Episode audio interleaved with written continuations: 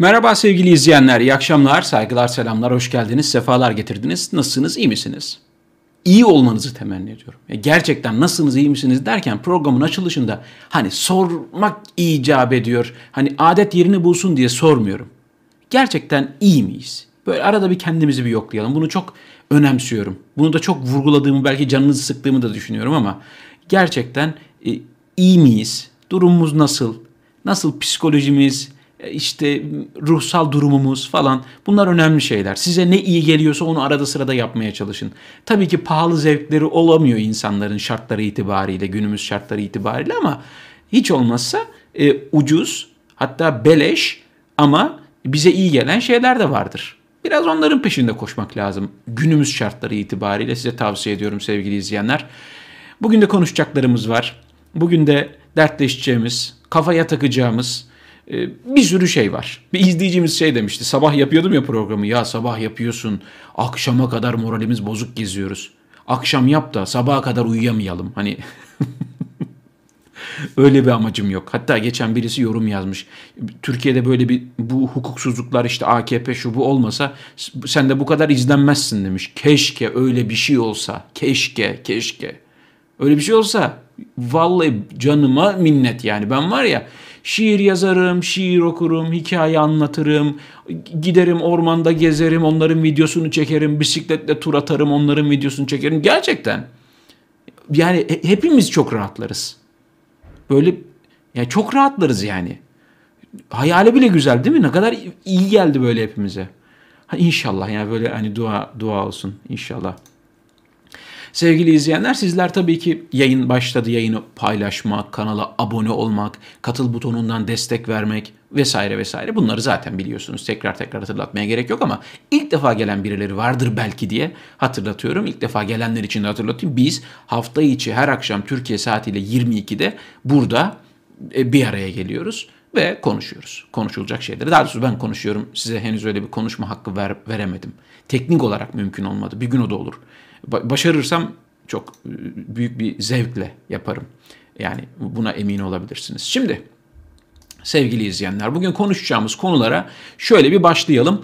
Bugünkü konu başlığımız e, sırlı milyar dolarlar. Aslında aklıma başka başlıklar geldi. Acaba sır kapısı falan mı? Hani sırlar dünyası falan mı desem? Yani çünkü o kadar çok sır var ki. Konuşacağız bunların hepsini. Başta konuşacağımız konu e, kutsal kongreler, mukaddes kongreler yapılmazsa Allah muhafaza mesela Adalet ve Kalkınma Partisi orduda koronavirüse rağmen lebalep kongre yapmazsa Kudüs düşüyor. Ben öğrendim bunları sevgili izleyenler. Şayet Tohat'ta, Yozgat'ta kongre yapılmazsa, İzmir'de kongre yapılmazsa Mekke düşüyor, Medine düşüyor. Öyle yani baya baya büyük riskler var.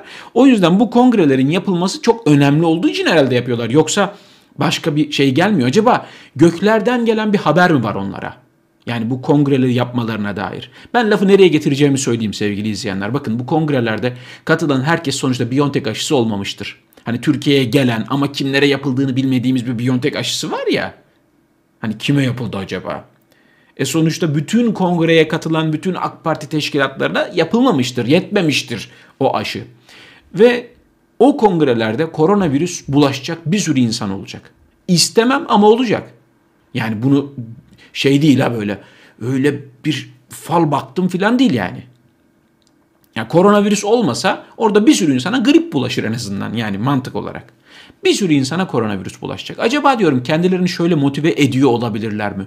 Bu çok büyük bir dava. Bu çok kutsal bir dava. Göklerden gelen bir karar vardır. Hani olur da orada koronavirüse yakalanır da ölürsek şehit, kalırsak gazi falan diye kendilerini böyle sahte manevi şeylerle gaza getiriyor olabilirler mi?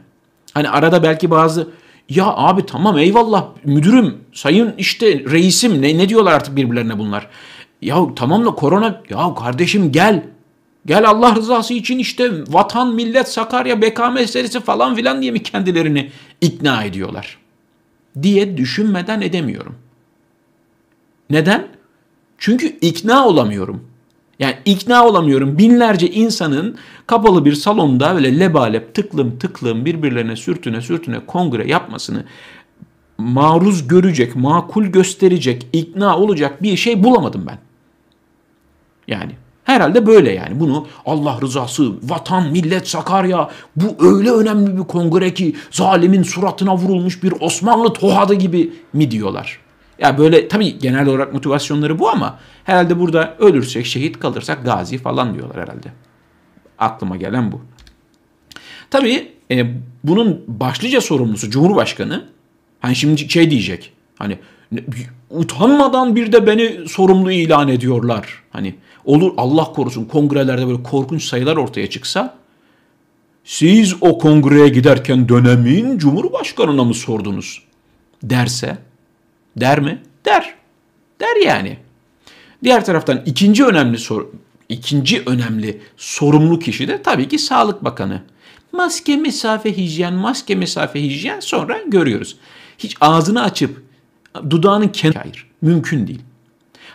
Kendine sorulan sorular var. Ya diyorlar ki çok önemli iddialar var. 1 milyon doz aşı normalde ücretsiz gelmiş ama siz bunun için aracı bir firma varmış. Ona 12 milyon dolar ödemişsiniz. Bu konuda veremeyecek hesabımız yok. Veremeyecek hesabımız yok. Nedir efendim cevabınız? Ticari sır. Ticari sır. Aracı firmaya zerre kadar ilave para ödenmedi. Aracı firma var ama zerre kadar ilave para ödenmedi. En başta şey yoktu. Aracı yoktu. Sonra aracı firma var. Onu kabul ettik. O noktaya geldiler. Sonra işte Kılıçdaroğlu'nun ücretsiz aşı açıklamasına yanıt ülkeler arası ticari sır olarak kalması gereken bilgilerin ifşa edildiğini görüyoruz. Pardon da bu parayı babanızdan size kalan mirastan mı ödüyorsunuz?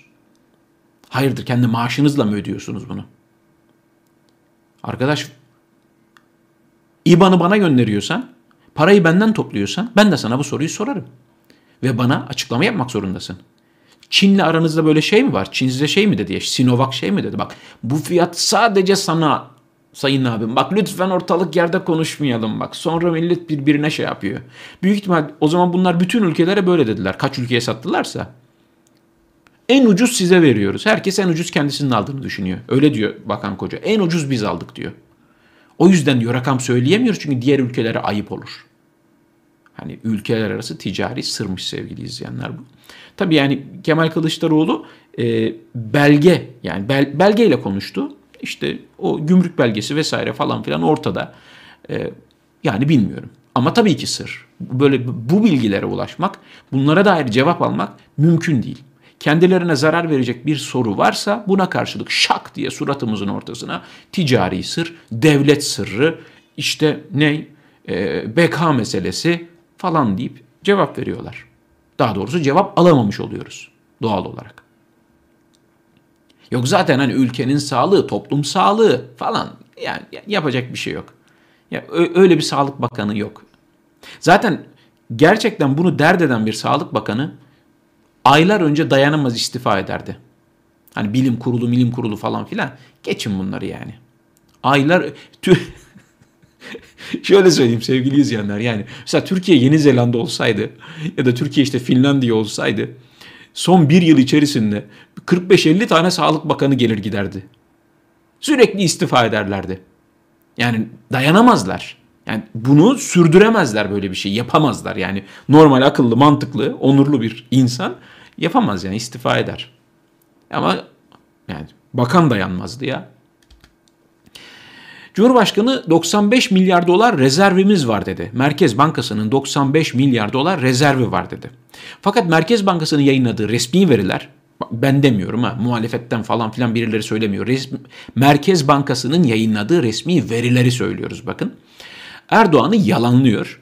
Merkez Bankası verileri bankanın net döviz rezervinin 43.2 milyar dolar ekside olduğunu gösteriyor. Hani eksi büyüme içine doğru büyüme hani eksi 43.2 milyar dolar rezervi var. Yani hiç rezervimiz yok diyebilmek için 43.2 milyar dolara ihtiyaçları var. Erdoğan'ın dediği rakama ulaşabilmeleri için işte ne kadar lazım? 138.2 milyar dolar olursa Erdoğan'ın dediği noktaya geliyoruz. Yani artık diyorum ya Ama canım ben, ben benim ben ya yalan ha o tamam o söylüyorsa sorun yok. Bırakın söylesin hani. Hani doktorlar ona dokunmayın, karışmayın dedi artık. Yalan, yalan olduğu ortaya çıkıyor. Belgeli bir şekilde ortaya çıkıyor. İşte burada halkın yani insanların gerçeği ne kadar önemsediği, gerçeğe ne kadar değer verdiği her şeyi belirliyor. Yani kırılma noktası orası. Hani şey var ya, iyi de hocam bu bizim gerçek hayatta ne işimize yarayacak? Trigonometri falan. Hani gerçek, gerçek, hakikat, gerçek hayatta ne işimize yarayacak? İnsanların buna dair bir fikri yok. Umursamıyorlar. Yani hakikat nedir, gerçek, yalan nedir, doğru nedir? Bu çok Türkiye'de çok önemli bir problem olduğunu düşünüyorum bunun. Yani sadece bu konuda da değil, birçok konuda. Yani gerçeğin işine yarayan kısmıyla ilgileniyor çoğu insan. Mesela size e, yakın tarihimizdeki en karanlık noktadan bahsedeyim örnek olarak 15 Temmuz çok karanlık bir tarih. Tekil tekil bak tek tek yüz binlerce insanın milyonlarca insanın hayatını alt üst etti. Toplamda da ülkeyi alt üst etti. Zarar gören sadece 3, 5, 8, 10 insan falan değil ki her biri çok önemlidir. Ülkenin tamamı bundan çok büyük etkiler. Rejim değişti. Doğru mu? Rejim değişti yani. Yargı bağımsızlığıymış. Denetim mekanizmalarıymış. Meclis falan bitti bunların tamamı. 15 Temmuz'da. Peki 15 Temmuz'da gerçekten ne olduğuyla Türkiye'de kaç kişi ilgileniyor olabilir? Gerçekten ne oldu yani? Yani kimisi işte işte 15 Temmuz'un bütün suçunun işte cemaatin üzerine yıkılmasından gayet memnun. Kimisi işte Erdoğan'ın vesaire falan bunlar zaten güvenilmez bir işte siyasi parti dolayısıyla onların üzerine yıkılmasından memnun. Kimisi ikisinin üzerine ayrı ayrı yıkılmasından memnun. Ama gerçeğin tam olarak gerçeğin peşinde olan çok az insan var. Ve bu oran artmadığı sürece yani gerçekten gerçeği önemseyen iyi de bu bizim gerçek hayatta ne işimize yarayacak? Yani bunun peşine düşmediği sürece çoğunluk böyle şeylerle debelenmeye devam edeceğiz. Yani birisi şey yazmış işte AKP gidince ne yapacaksınız? E, CHP'yi götürmeye çalışacağız bu sefer de. Yani Türkiye'nin problemi sadece AK Parti problemi değil. Bir politika problemi var. Genel olarak partiler düzeyinde çok büyük bir sıkıntı var. Ve bu devam ediyor. Yani biri gidince her şey güllük gülistanlık olmuyor. Temel problemler var artık kalıplaşmış. Nasıl derler böyle kangrene dönmüş. Nasıl çözülür? Yine söylüyorum halk istemediği sürece çözülmez milletin çoğunluğu düzelmesini istemediği sürece çözülmez. Öyle kalır. Yani işte alın size yalan. Alın size gerçek. Gerçekte ne yapacağına insanlar karar vermeli. Mesela başka bir sır sevgili izleyenler. İntihara sürüklenen İpek Er'in tecavüz zanlısı, siz buna katil zanlısı da diyebilirsiniz. Uzman çavuş Musa Orhan'ın eski uzman çavuş diyelim. Yani ihraç edildi. Meslekte ilişiği kesildi çok şükür. Tutuklanma talebi bir kez daha reddedildi. Tutuklu değil bu arada bakın. Deliller var. Bu elemanın, bu, bu herifin kendi cep telefonundan, kendi WhatsApp'ından yaptığı yazışmalar var. Daha delil olarak ne istiyorsunuz? Hayatını kaybeden o kızcağızın intihar mektubu var. Şahitler var, kayıtlar var ama tecavüzcü serbest. Peki bunun sırrı ne? Bunu kim koruyor? Kim kolluyor? Neden bu kadar değerli? Neden bu kadar önemli? İlginç. Çok ilginç. Bir tecavüzcüyü tutuklayamıyor Türkiye'de mahkemeler. Çok ilginç. Kaçma şüphesi yok diyorlar. Yine söylüyorum kaçma şüphesi değil, kaçma derdi yok. Kaçmak diye bir düşüncesi olmaz yani. Niye kaçayım ki? Tutuklamıyorlar zaten. Niye kaçayım ki yani? Öyle düşünüyorlar büyük ihtimal. Bakın çok ilginç. Yayından hemen önce gördüm bunu. Apar topar aldım buraya. Hani kişilik hakları ihlali nedeniyle bir sürü habere erişim engeli getiriliyor ya. Bakın komşusunun köpeğini öldüren adam hakkında çıkan haberlere kişilik haklarının ihlali nedeniyle erişim engeli getirilmiş. Bir sürü gazetede çıkan habere erişim engeli gelmiş. Ekşi Sözlük'te çıkan başlıkların tamamına erişim engeli gelmiş. Sosyal medyada gibi sürü tweet'e erişim engeli şu bu falan filan. Çok ilginç ya. Değeri ne acaba? Önemi ne? Gerçekten ne kadar ne kadar mühim bir şey ki Ama burada işte temel şey şu yani e, o önemli o önemsiz üzerinden ilerlemiyoruz. Adaletin vidası gevşedikten sonra adaletin duvarında delikler açıldıktan sonra o delikten geçebilen herkes geçiyor. İmkanı olan, dayısı olan, desteği olan, arkasında torpili olan, bilmem yüksek yerlerde tanıdıkları olan herkes o deliklerden geçiyor. Yani bir ülkede her ne kaybedilirse kaybedilsin, ne yıkılırsa yıkılsın, yıkılmaması gereken şey adalete duyulan güvendir, adalet sistemidir, adalet mekanizmasıdır. Olabilir bir ülkede problemler olabilir. Her şey her zaman çok iyi olmayabilir. Ama adalet varsa illaki bir yerden sonra toparlanır yani. Ama ama önce adalet gittiyse geçmiş olsun yani bir şeyin düzelmesi çok zor. Adam komşusunun köpeğini öldürmüş ve hakkındaki haberler erişim engeli getirttirmiş. Bunu da başarmış yani. Öyle. O da sır yani dokunulamıyor, konuşulamıyor. Şu haberi de tabii ki görmüşsünüzdür. İyi Partili Yavuz Ağralioğlu fezlekelerle ilgili mecliste fezlekeler geliyor. 33 milletvekili hakkında. Biz HDP'yi problemli görüyoruz. Terörün gölgesinde görüyoruz. Dillerini problemli görüyoruz. Dolayısıyla mecliste bu üslupla siyaset yapmalarını uygun bulmuyoruz. Evet diyeceğiz ifadelerini kullandı. Evet bu da Erdoğan'ın muhalefete attığı en sağlam kazık olur. Böyle tam zamanında çok güzel kazık atmış olur. Aynı yerden yine golü yiyorsunuz. Oradan dönüyor, vuruyor, gol oluyor. Oradan dönüyor, vuruyor, gol oluyor. Aynı maçta, aynı yerden aynı golü aynı adamdan bir daha, bir daha, bir daha yiyorsunuz. Sizin kullandığınız şu cümlelerin aynısını bir, bir, bir süre sonra iyi Parti için duyabiliriz başkalarından. Duyabiliriz yani. Bu çok basit. Erdoğan sizi hedefe koyar, meclise fezleke getirir. Sonra birileri de çıkar der ki biz İyi Parti'yi problemli görüyoruz. Terörün gölgesinde görüyoruz. Dillerini problemli görüyoruz. Dolayısıyla mecliste bu üslubu siyaset yapılmasına uygun bulmuyoruz. Evet diyeceğiz der. Olur biter. Yani adalet dediğiniz şey kişilere, partilere, şunlara, bunlara göre öyle eğilip bükülecek bir şey değildir. İlkeler olur, prensipler olur. Bunun üzerinden siyaset belirlersiniz. Eğer İyi Parti bu hatayı yaparsa ki yapmasa bile bakın şöyle bir şey söyleyeyim. İyi Parti evet demese dahi e, yani sadece AKP ile MHP'nin sayısı yeterli. Yani onlar zaten yeterli. Ama burada yani muhalefeti parçalama diye bir hedefleri var ve buradan işte ilerliyorlar. Çünkü buradan vururlarsa gol olacağını biliyorlar. Yine gol olacakmış gibi görünüyor. Çok sağlam kazık geliyor bu sefer ama yani.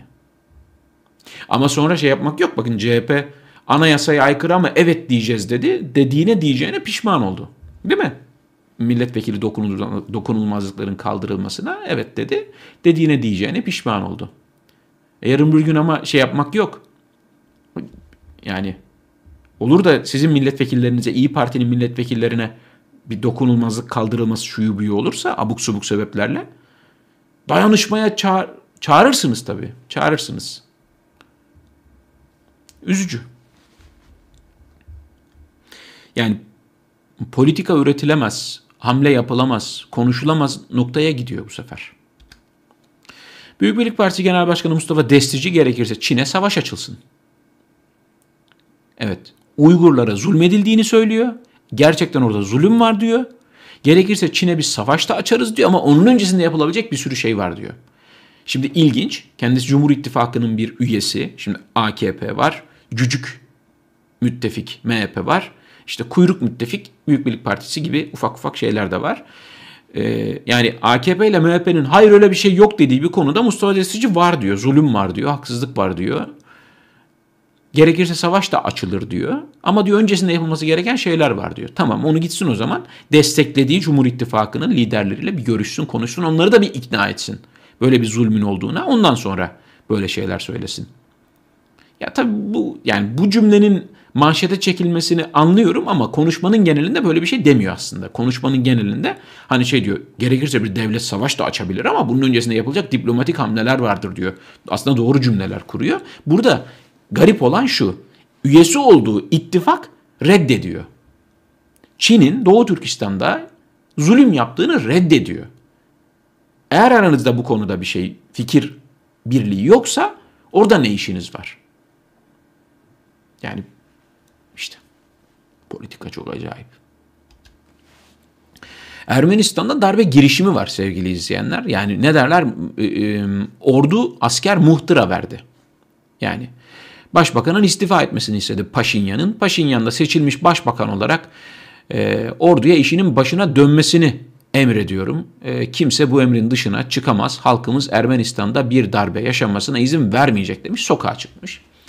Yani darbe duyumunu aldığında bir başbakanın, bir liderin yapması gereken şey tam olarak da budur zaten. Darbe duyumu bilmem ne onun belirtisi, haberi o yani anlatabiliyor muyum yani? Bekleyelim asker azıcık bir sokağa çıksın da sonra biz ondan onun karşısına halkı çıkaralım da ben oradan daha güçlü çıkayım falan diye düşünmemeli yani. Bu, bu iyi bir şey. Ee, darbe olmamasını da temenni ediyoruz. Yani bunun işte Ermenistan'da olunca böyle bıyık altından güle güle şurada var bak habere geçiyorum şu. Buraya gelecektim. Yani orada olunca kötü, burada olunca iyi bilmem ne falan diye hesap yapılmaz. Diyorum ya ilkeler vardır, prensipler vardır. Bunun üzerinden ilerlersiniz. Çünkü yani diyelim ki kötü bir yönetim var. Adaletsiz bir yönetim var. Yani bir kötülüğü başka bir kötülükle bastırmak bir ülkeye, bir, bir topluma hayır getirmez yani. Getirmemiş de. Azerbaycan Cumhurbaşkanı Aliyev'den Ermenistan'daki olaylarla ilgili ilk yorum Ermenistan'daki muhalefet her gün baskı görüyor, tutuklanıyor ve öldürülüyor ama kimse tepki vermiyor. Azerbaycan'da tabii ki böyle problemler yok. Çünkü Azerbaycan'da muhalefet yok. Biz o sorunu kokten çözdük. Kimse muhalefet yap olmadığı için muhalefet baskı da görmüyor, kaçırılmıyor, tutuklanmıyor ve öldürülmüyor.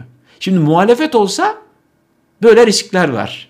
Muhalefetin baskı görmesi, tutuklanması, öldürülmesi gibi olmayınca olmuyor. Yani güzel bir şey bak. Ya senin ülkende demokrasi diye bir şey yok ya. Kaç dünyanın bilmem kaç ülkesinde acaba öyle bir sayı var mı bilmiyorum. Ne kadar Azerbaycan vatandaşı acaba iltica etmiş siyasi baskılardan dolayı? Vardır muhakkak bunun sayıları vardır yani. Ama öyle yani. Baş, baş, başka yere laf atmak ne kolay değil mi? Başka yerin demokrasisine çemkirmek, hönkürmek çok kolay. Yani defalarca dünyanın en yolsuz lideri seçilmiş birisi Aliyev. Ama öyle işte yani. Öyle konuşabiliyor. Rusya'dan S-400 açıklaması isteseydik bile Türkiye'nin üretmesi pek mümkün değil. Şimdi S-400 hangara kaldırılıyor, depoya kaldırılıyor. Bir ölü yatırım. Bir yani bunun sorumlusu hani kim?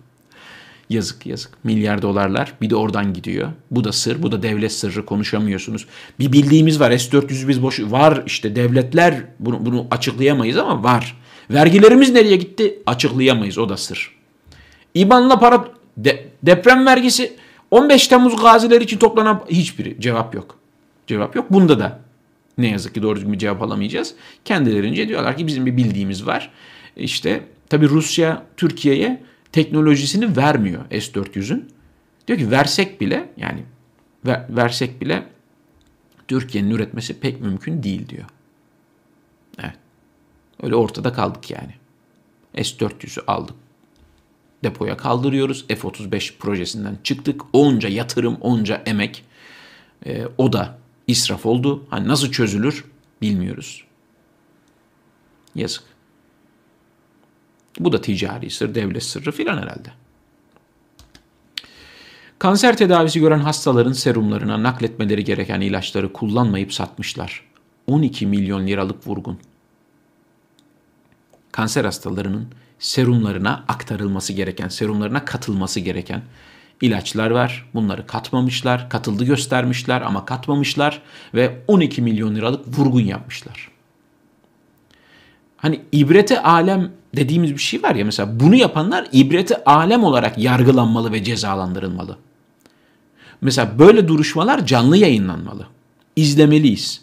Hani oluyor ya böyle Amerikan filmlerinde Hollywood'da falan filan böyle yargılama filmleri var ya mahkeme filmleri sahneleri izliyoruz filan. Bunları ibret alem olsun diye suratlarını herkes görmeli bunların. Bunu yapanların. Bu, bu, bu, bu korkunç bir şey. Yani Şeytan yapmaz. Büyük ihtimal şeytan böyle bir şey yapmaz biliyor musunuz? Hani şeytan böyle bir şey yapmaz. Bunu yapsa yapsa insan yapar ama böyle insanlar yapar. Ve ibret alem olsun diye bunların açıktan yargılanması lazım. Görmemiz lazım. Yani çok acayip. Japonya'da giderek artan intiharlarla mücadele etmek için Yalnızlık Bakanı atandı. Bu haber üzerine çok konuşuldu, çok şey yazıldı. Japonya'da gerçekten intihar sayıları oldukça yüksek. İntihar sayılarının yüksek olduğu gelişmiş birçok ülke var. Yani gerçekten ekonomik durumu çok iyi olan, eğitim durumu çok iyi olan, demokrasisi çok iyi olan birçok ülkede çok ciddi intihar vakaları var. Yani yalnızlık çok büyük bir problem. Ama buna çözüm üretmek için çalışmaları da ayrı bir şey. Hani Türkiye'de insanlar intihar ediyorlar. Yalnızlıktan mı? Değil. Yalnızlığa sıra gelmiyor.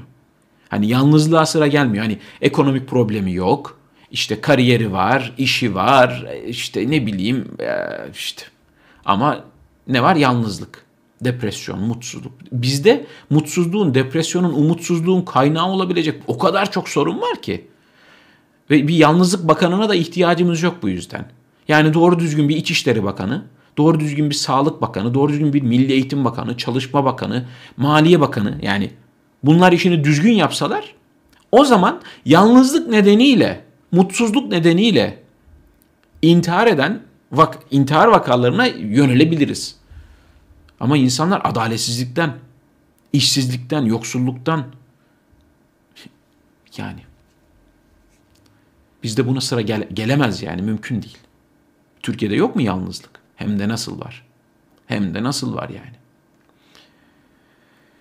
Japonya'da bu dikkat çekiyor. Türkiye'de dikkat çekmiyor. Çünkü Türkiye'de buna sıra bile gelmiyor.